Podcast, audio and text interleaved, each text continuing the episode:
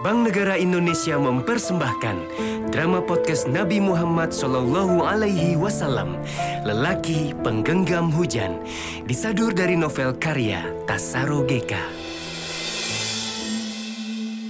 Episode ke-23 Di Madinah, setelah terjadi hujan badai yang menghantam pasukan Mekah di bawah pimpinan Abu Sufyan, para pasukan muslim Madinah pun merasakan kegetiran yang sama.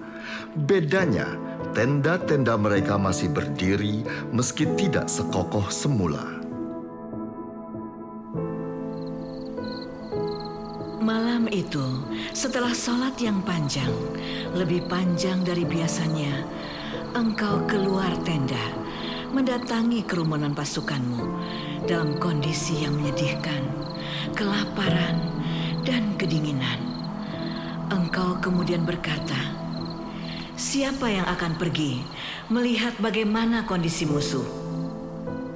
Tidak ada yang menjawab. Semua diam membisu. Rasulullah seakan sendirian. Sementara pasukan yang ada di hadapannya saling pandang, tidak berani buka suara. Kemudian engkau berkata lagi, Huzaifah. Di mana Huzaifah?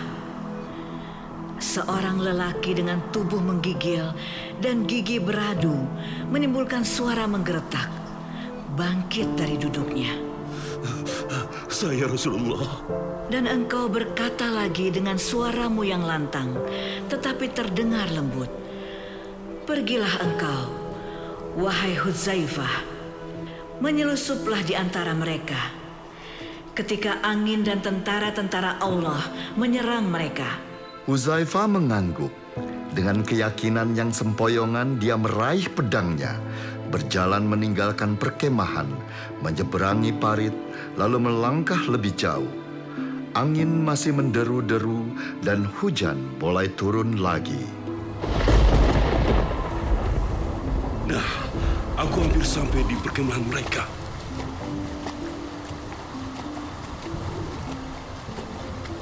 Bagaimana mungkin ini terjadi? Mereka dalam kondisi yang lebih parah. Tenda-tenda mereka hancur lebur. Binatang-binatang tunggangan mereka banyak yang terkapar mati. Keadaan kami lebih beruntung dari mereka. Nah, itu Abu Sofyan dan Ikrimah berjalan mendatangi sisa-sisa pasukannya yang masih berdiri dengan limbung. Sementara yang lainnya meringkuk kedinginan. Wahai orang-orang Quraisy, kuda-kuda dan unta-unta kita telah banyak yang mati. Bani Quraizah telah meninggalkan kita. Mereka telah berkhianat pada kita. Sekarang kita menderita karena hujan dan badai ini. Jadi aku beritahukan pada kalian, pergilah dari tempat ini, karena aku pun akan pergi. Abu Sufyan, engkau pemimpin kaummu.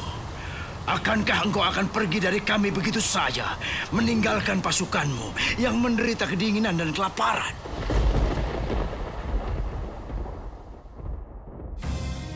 Abu Sufyan terdiam. Dia merasa malu. Kemudian perlahan dia menaiki untanya sambil menggerutu. Seluruh pasukannya mulai membereskan tenda-tenda yang telah rusak terhantam badai.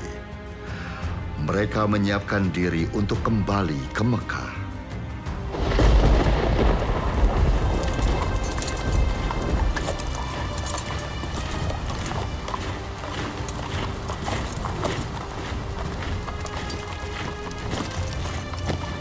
Huzaifah merasa lega, sehingga langkahnya menjadi lebih gesit dari sebelumnya.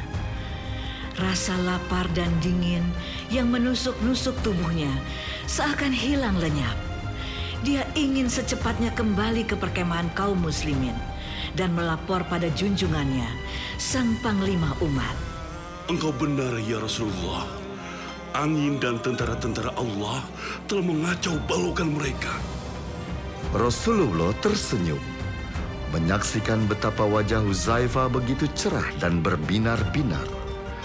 melahirkan semangat yang berkobar-kobar tak terbendung dan terus menyala. Suasana pagi mulai menerangi seluruh Madinah. Di seberang parit pertahanan kaum muslimin, tampak perkemahan musuh telah hilang, lenyap, lengang, dan senyap. Nah, Tuan Kasva, kau sudah sembuh dari luka-lukamu tertimbun longsoran salju. Aku akan membawamu berkeliling tempat ini. Baiklah, terima kasih Mas ya. Nah, biar ku buka kain penutup tenda ini. Inilah Tibet. Selamat datang di Tibet, Tuan Kasva. Nah, lihatlah itu. Kasva mengikuti arah telunjuk Masya. Tidak jauh dari tempatnya berdiri, sekerumunan hewan berbulu tebal sedang mengunyah rumput. Hewan-hewan itu bertanduk seperti banteng, berkepala seperti sapi, tetapi berbulu tebal seperti domba. Penduduk Tibet menamakan hewan itu yak. Kita telah berminggu-minggu menyusuri alam Tibet. Setelah meninggalkan tenda Tuan Norbu, sekarang arah kita ke mana? Kita hanya mengikuti arah matahari terbenam untuk sampai di Danau Anyemaken. Itu bukan berarti perjalanan ini harus ditempuh bertahun-tahun, Masya. Arah kita tidak mungkin salah, Tuan Kaswa. Cuma aku hanya ingin mengatakan, perjalanan ini tidak jelas. Sebenarnya untuk apa? Apanya yang tidak jelas? Bukankah sudah kukatakan berulang-ulang bahwa kita akan menemui Biksu Tashidelek? Seorang lama di biara gunung Anyemaken. Sahabat penamu itu, melihat jauhnya perjalanan ini, aku tidak bisa membayangkan kerja kurir surat yang membawa surat-suratmu dan balasan suratmu dari Biksu Tashidelek. Apa yang kau katakan, Masya? Bukan apa-apa. Aku hanya heran. Bagaimana bisa kau menerima setumpuk surat dari biksu itu? Padahal jalan yang ditempuh sangatlah sulit. Aku yakin untuk saling berbalas surat butuh waktu yang sangat lama. Kenyataannya, aku menerima surat-surat itu dan aku tidak terlalu memikirkan bagaimana perjalanan surat-surat ini sampai kepadaku. Termasuk kau tidak peduli bagaimana tiba-tiba biksu itu fasih berbahasa Persia. Shh, ada orang. Ya, belasan orang. Mereka berjalan agak menyimpang dari arah matahari terbenam. Aku akan menemui mereka. Aku titip Serses yang sedang tertidur ini. Biar aku yang menggendong Serses, Paman Masa. Kasva duduk di sebuah batu besar menunggu Masya yang menghampiri rombongan yang melintas itu. Dari tempat duduknya, Kasva menyaksikan alam Tibet yang eksotik. Padang rumput terhampar dengan langit biru yang membentang. Kita sudah sangat dekat dengan Gunung Kailas, Tuan Kasva. Apa yang dibicarakan oleh orang-orang yang kau temui itu, Masya? Kita sudah dekat dengan Gunung Kailas. Dan perkenalkan, aku membawa seorang biksu. Dia seorang yang terpelajar dan bisa berbahasa Persia. Eh, perkenalkan, nama saya Giatso. Istirahatlah, Biksu Gyatso. Kami sedikit mempunyai bekal makanan. Tuan Kasva, Biksu Gyatso ini seorang musyafir. Faksur, kita istirahat di sini. Buka perbekalan dan siapkan masakan untuk kita semua. Siap. Paman Masa, aku segera menyiapkan makanan. Lalu, bagaimana dengan teman-teman Anda, Biksu Gyatso? Sebenarnya saya ini sendirian. Orang-orang yang tadi lewat itu adalah penganut Bon. Mereka hendak melakukan kora di Gunung Permata Agung. Apa? Gunung apa? Iya, Gunung Permata Agung. Nah, kau bisa melihatnya Tuan Kaswa. Gunung yang menjulang tinggi itu, yang selalu ditutupi salju. Itulah Gunung Permata Agung, Gunung Suci Empat Agama. Di perbatasan dan di India, orang-orang menyebutnya Gunung Kailas. Lalu, apa itu Korah? Kora adalah ritual ibadah mengelilingi Gunung Permata Agung. Mengelilingi gunung? Iya, mengelilingi gunung. Anda heran, Tuan Kaswa? Itu pasti akan sangat melelahkan. Saya sudah melakukannya ratusan kali. Setiap putarannya adalah perjuangan naik turun gunung sepanjang ratusan mil. Dan Anda sudah melakukannya ratusan kali. Iya. Dan Kora bukan sebatas ibadah, melainkan juga sebuah perlambang. Perjalanan hidup manusia menemukan pencerahan. Proses batin mencapai titik cahaya. Nah, Biksu Gyatso, Tuan Kasva dan Paman Masya, makanan telah siap. Selagi masih hangat, silakan, Oh. silakan disantap. Terima kasih, nak. Nah, tuan-tuan, kita makan dulu. Nanti kita lanjutkan lagi pembicaraan kita. Serses mana? Dia tidak ikut makan. Serses bersama saya, Tuan Kasva. Biar dia saya suapi. Ah, baiklah. Biksu Gyatso, Iya, aku dengar orang-orang Tibet sangat religius. Agama adalah nafasnya. seorang Tibet akan rela menempuh jarak ribuan mil sambil merangkak untuk mencapai tempat suci. Itu sama sekali bukan penderitaan, melainkan perjalanan menuju cahaya yang terang benderang. Tadi Anda mengatakan bahwa Gunung Permata Agung itu adalah gunung suci empat agama. Benar, empat agama mensucikan gunung itu. Kami percaya di puncak gunung itu Sang Sakyamuni Buddha bertahta.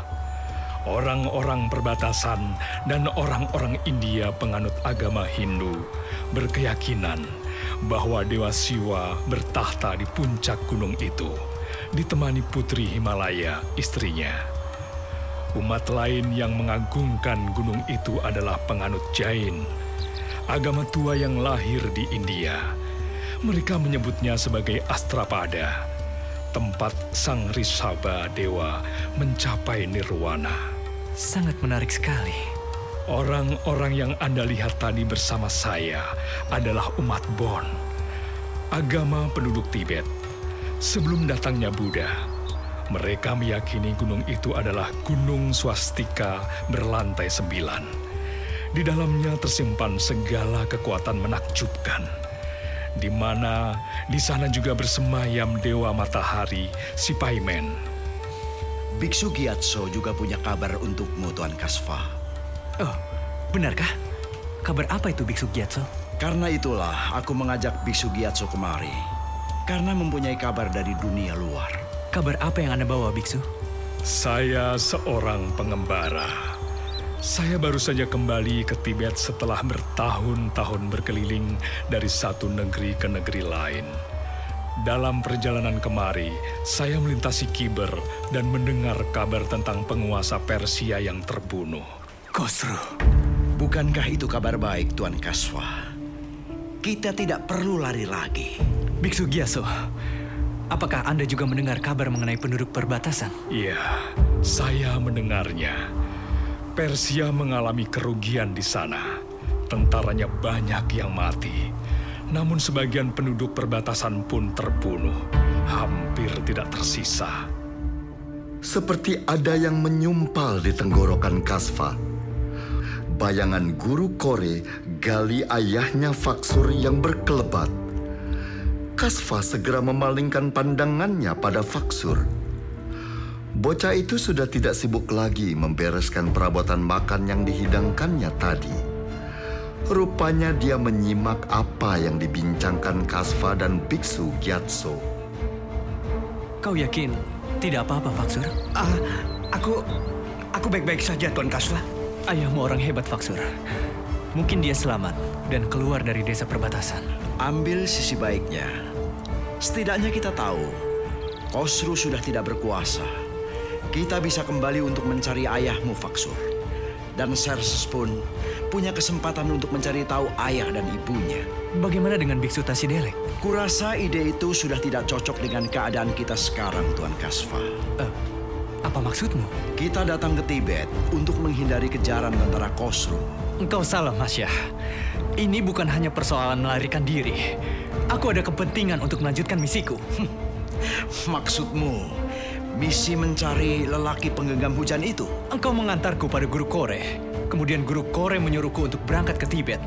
Bagian mana yang engkau kurang pahami, Masya?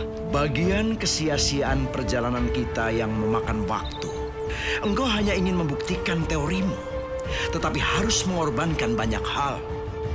Kasfa dan Masya terlibat dalam percekcokan mulut. Apa yang akan terjadi dengan Kasfa dan Masya? Dapatkah Kasfa bertemu dengan Biksu Tasidelek, sahabat penanya itu? Drama podcast ini persembahan dari BNI. Sampai jumpa dan nantikan episode selanjutnya hanya di Spotify Podcastless dan YouTube BNI, Bank Negara Indonesia.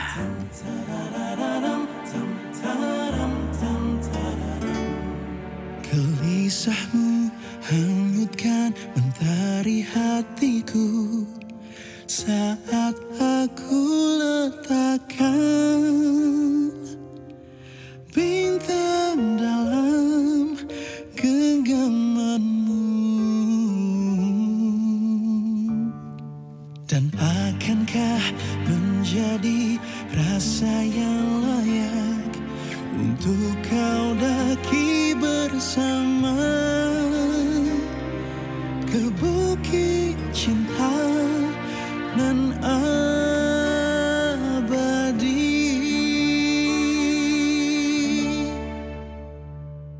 akan ku bentangkan engkau sayap seluas samudera.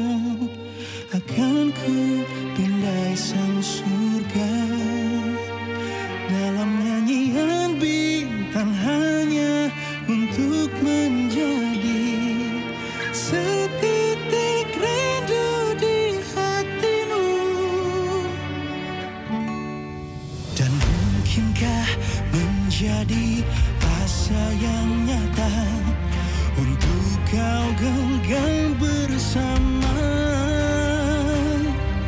bersama Ke dalam kisah